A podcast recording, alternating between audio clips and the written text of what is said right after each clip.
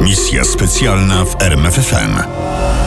Radkiewicz, cień Bieruta w Ministerstwie Bezpieczeństwa Publicznego. Na początku był samodzielny batalion specjalny złożony z żołnierzy wyszkolonych przez fachowców z NKWD. To miał być zalążek oddziałów Służby Bezpieczeństwa Komunistycznego Państwa Polskiego. Szkolenie batalionu nadzorował Stanisław Radkiewicz, niewysoki brunet, potomek poleskiego chłopa. W lipcu 1944 roku, kiedy powstawał PKWN, tenże Radkiewicz został kierownikiem resortu bezpieczeństwa publicznego. Resort liczył zaledwie pięciu ludzi. Ale na początku sierpnia dokoptowano 16 oficerów z samodzielnego batalionu specjalnego. W następnych tygodniach przyszli następni zarówno Polacy, jak również radzieccy instruktorzy. Ale i to nie poprawiło sytuacji. Generał NKWD Iwan Sierow, nadzorujący resort bezpieczeństwa publicznego, meldował Berry, że Radkiewicz skarży się na małą ilość pracowników i ich niskie kwalifikacje. Potrzebne było wsparcie NKWD, jak pisze Piotr Kołakowski w książce Pretorianie Stalina. Od początku resort bezpieczeństwa publicznego znajdował się pod ścisłą kontrolą i nadzorem radzieckich władz bezpieczeństwa. Oficerowie NKWD o niższych i wyższych stopniach zasiadali w komendach powiatowych, wojewódzkich i w centrali. Wreszcie przybyła grupa Kujbyszewska i robota mogła ruszyć. Kujbyszewiacy, czyli absolwenci szkoły specjalnej NKWD w Kujbyszewie, zostali przygotowani do pracy śledczej i operacyjnej pod nadzorem Radkiewicza.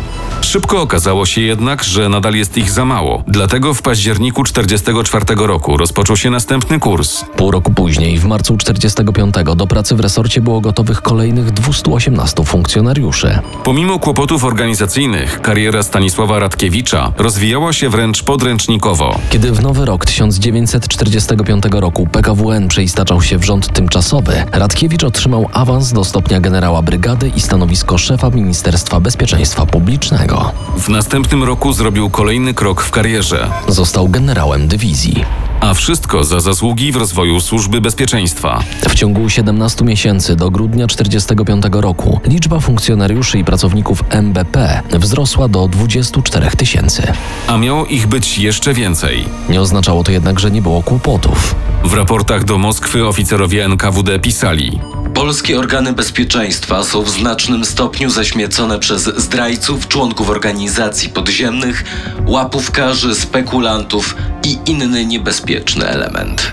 Cóż, w Polsce trwała walka o władzę. Niektórzy historycy nazywali ten okres wojną domową. A Radkiewicz pracował nadal i zbierał pochlebne opinie. Sprawdził się w czasie sfałszowanego referendum słynnego z hasła trzy razy tak w 1946 roku i podczas wyborów parlamentarnych w roku następnym. Towarzysze radzieccy wydali o nim bardzo pozytywną opinię. Oddany, rozwinięty politycznie i uzdolniony działacz partyjny, dobry organizator, konsekwentnie prowadzi politykę PPR w walce z reakcyjnym podziemiem. I zapewne dalej kariera Radkiewicza by kwitła, gdyby nie tajemnicza przesyłka z Moskwy. Wiosną 1948 roku do Warszawy przysłano stare przedwojenne akta polskiego wywiadu, czyli tak zwanej dwójki. Rosjanie zdobyli je w czasie wojny i wykorzystywali nagminnie ku chwale kraju rad. Tym razem chcieli pomóc swoim polskim przyjaciołom w walce o władzę. Okazało się jednak, że wśród licznych dokumentów znalazły się również akta dotyczące przedwojennych wypadków z życia ministra Stanisława Radkiewicza. Radkiewicz musiał mieć coś na sumieniu, skoro zdecydował się wytłumaczyć z podejmowanych przed laty decyzji. Samokrytyka została wysłuchana i przez najbliższe pół roku Radkiewicza nie zapraszano na posiedzenia KC. Zamierzano przy tym zdjąć go ze stanowiska ministra. Zanim jednak do tego doszło, zaszły wypadki, które wywróciły polską scenę polityczną. Podczas obrad KC we wrześniu 1948 roku zapadła decyzja odwołania pierwszego sekretarza PPR Władysława Gomułki. Wina Gomułki była ewidentna, jak zapisano w protokołach, za odchylenia prawicowo-nacjonalistyczne. Radkiewicz, który został zaproszony na to posiedzenie, milczał. Wolał nie ryzykować nieopatrznych słów na niepewnym gruncie zmian w partii. Z jego perspektywy sytuacja szła w dobrym kierunku. Odbywał się właśnie sąd nad Gomułką, człowiekiem, przed którym kajał się sześć miesięcy wcześniej, to po pierwsze. A po drugie, Radkiewicz wrócił do KC i nie opuszczał zebrań przez kolejnych kilka lat. Potrzebował go nowy pierwszy sekretarz, Bolesław Bierut. Razem z Bierutem przyszedł nowy sposób pracy organów bezpieczeństwa. W rzeczywistości faktycznym szefem bezpieki był Bierut. On to nakazywał aresztowania ludzi, interesował się najdrobniejszymi szczegółami śledztwa nagrywanymi na taśmy dźwiękowe, układał scenariusze procesów pokazowych, poprawiał, zmieniał i uzupełniał akty oskarżenia. Tak o zwyczajach w MBP pisał Jan Nowak-Jeziorański. i miał bardzo dobre źródła informacji. O wszystkim w programach radiowych za kulisami bezpieki i partii opowiadał Józef Światło, zbiegły na zachód wicedyrektor 10 Departamentu MBP. Bierut, zasiedziały w Moskwie komunista, czerpał ze wzorów radzieckich. Wszystko było na wzór i podobieństwo Stalina, który w rzeczywistości był szefem NKWD i przy pomocy tej instytucji podporządkował sobie terrorem i czystkami partię. Bierutowi miał w tym pomóc właśnie Józef Światło, z którym Bierut kontaktował się nieoficjalnie z pominięciem drogi służbowej. Minister Radkiewicz nic nie wiedział o ich kontaktach. Historię ucieczki Józefa Światło na zachód przedstawialiśmy już w odcinku Spowiedź Ubeka. Tym razem krótko przypomnimy tylko najważniejsze fakty z jego życiorysu. Był przedwojennym komunistą i to chyba z tej przyczyny cieszył się niemal bezgranicznym zaufaniem Bieruta. Podstawowym zadaniem światły w 10 Departamencie było tropienie obcych agentów i wrogów systemu wewnątrz PPR. Informacje zbierano o każdym działaczu partii, bez względu czy działał gdzieś w trudnych do znalezienia na mapie lolkach górnych, czy w samej Warszawie w biurze politycznym IKC. Doszło do tego, że Z polecenia Bieruta światło skompletował materiały kompromitujące Bermana. Pisał Jeziorański. Jakub Berman, komunista o niewyszukanym pseudonimie Jakub, oficjalnie pozostawał w cieniu innych działaczy, ale praktycznie był najważniejszą obok Bieruta postacią PPR i PZPR. Czy był również zaufanym towarzyszem towarzysza Bieruta? Na pewno chciał, żeby Bierut tak myślał. Ale Bierut nie wiedział, że towarzysz Jakub w największej tajemnicy kazał światle założyć kartotekę kochanki Bieruta Wandy Górskiej. W programach radiowych emitowanych przez Radio Wolna Europa światło mówił głównie o Bierucie i Bermanie. Światło miał starannie obmyśloną strategię. Główny atak kierował przeciwko Bierutowi i Bermanowi. Rozumował, jak się okazało trafnie, że obaj będą usiłowali przerzucić odpowiedzialność za swoje zbrodnie na innych. Tym innym był właśnie Radkiewicz. Radkiewicz pojawiał się w jego wypowiedziach rzadziej i to już ten fakt prowadzi do wniosku, że widocznie minister nie był najważniejszą postacią w rządzie. I oczywiście nic nie wiedział o wzajemnej bierutowsko-bermanowskiej inwigilacji. Wszystko co ważne dla KC odbywało się poza jego wiedzą. Dlaczego? Czyżby odbijała się niebezpiecznym echem tajemnicza przesyłka z Moskwy? O co zatem chodziło? Jeszcze przed wojną, w 1936 roku, podczas powrotu pociągiem z Pragi, już po polskiej stronie granicy Radkiewicz został zatrzymany. W areszcie przesiedział jeden dzień, co wzbudziło podejrzenia. Jak napisano w teczce trzeciej międzynarodówki, tak zwanym Kominternu, opatrzonej nazwiskiem Radkiewicza. Zagadka wyjaśniła się, kiedy Związek Radziecki przejął archiwa oddziału drugiego, czyli polskiego wywiadu. Z akt wynikało, że tak szybkie wypuszczenie Stanisława Radkiewicza z aresztu było rezultatem podpisanego przez niego zobowiązania do zaprzestania działalności w KPP, Komunistycznej Partii Polski. Ale Radkiewicz tym podpisem wcale nie odciął się od komunizmu, o czym towarzysze radzieccy bardzo dobrze wiedzieli. W jego kominternowskich aktach zapisano Politycznie rozwinięty, zaufany i oddany komunista.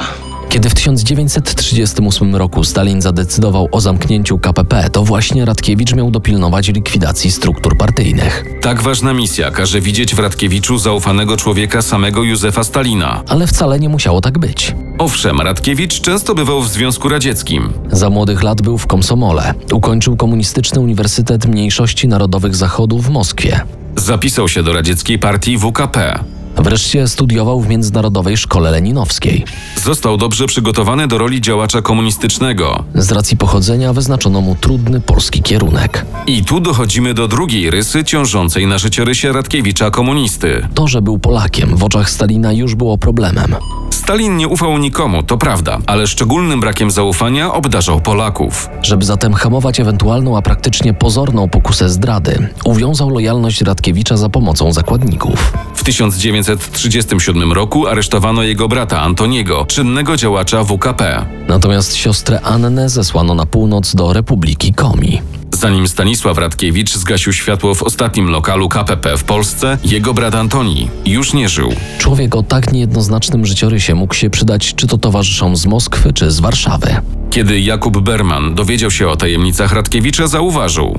Że to na pewno słabość, ale nie ma większego znaczenia i wykorzystają to jako gwarancję jego lojalności. Poza tym Radkiewicz miał piękne polsko-litewskie nazwisko, co też nie było bez znaczenia, zważywszy na żydowskie pochodzenie jego zastępców. Jak się nazywali? Obaj byli wiceministrami bezpieczeństwa publicznego, a nazwiska, co widać na pierwszy rzut oka, były fałszywe. Romkowski w metryce urodzenia miał napisane Nathan Grinspan Kikiel. Mietkowski to Mojżesz Bobrowicki, To oni, podobnie jak Józef Światło, czyli Lichstein, cieszyli się większym zaufaniem Bieruta i Bermana niż Radkiewicz. Aby jednak ukryć prawdę o funkcjonowaniu MBP i uniknąć niewygodnych pytań, postanowiono stworzyć Komisję Biura Politycznego do Spraw Bezpieczeństwa. Znaleźli się w niej Bierut i Berman, dwaj główni decydenci. Mietkowski z Romkowskim, którzy mieli wykonywać decyzje pryncypałów. A między nimi znalazł się Stanisław Radkiewicz. Z zebrań tej komisji nie sporządzono protokołów. Zachowały się tylko fragmentaryczne, często trudne do zrozumienia notatki Bieruta. Niemniej to oczywiste, iż była ona zasadniczym ośrodkiem decyzyjnym w całym obszarze działalności bezpieki, a także prokuratur i sądów. Napisał Andrzej Paczkowski w książce Trzy twarze Józefa Światły. Rola Radkiewicza w MBP została ograniczona niemal do zera, co też jemu przeszkadzało. Próbował podać się do dymisji, ale jego prośby odrzucano. Bierut i Berman go potrzebowali, lecz nie do jakiejś konkretnej roboty. Widzieli w nim bardziej kozła ofiarnego w razie jakiejś katastrofy. Katastrofa nadeszła w 1954 roku, kiedy w radiu RWE zaczął mówić Józef Światło. Radkiewicz stracił ministerstwo, wyrzucono go z biura politycznego, ale przed sądem stanęli inni, między innymi Roman Romkowski. I to oni odpowiadali za zbrodnie stalinizmu w Polsce. On się wybronił, czy też jego wybroniono. Trafił do Ministerstwa Państwowych Gospodarstw Rolnych. Jeszcze nie raz decyzje towarzyszy PZPR mieszały w życiu Stanisława Radkiewicza, ale w gruncie rzeczy nie mógł narzekać. Zapewniono mu spokojną posadę w Urzędzie Rezerw Państwowych i wysoką emeryturę. Nikt nigdy nie ciągał go po sądach. Misja specjalna w RMFFM. Na tropie największych tajemnic historii.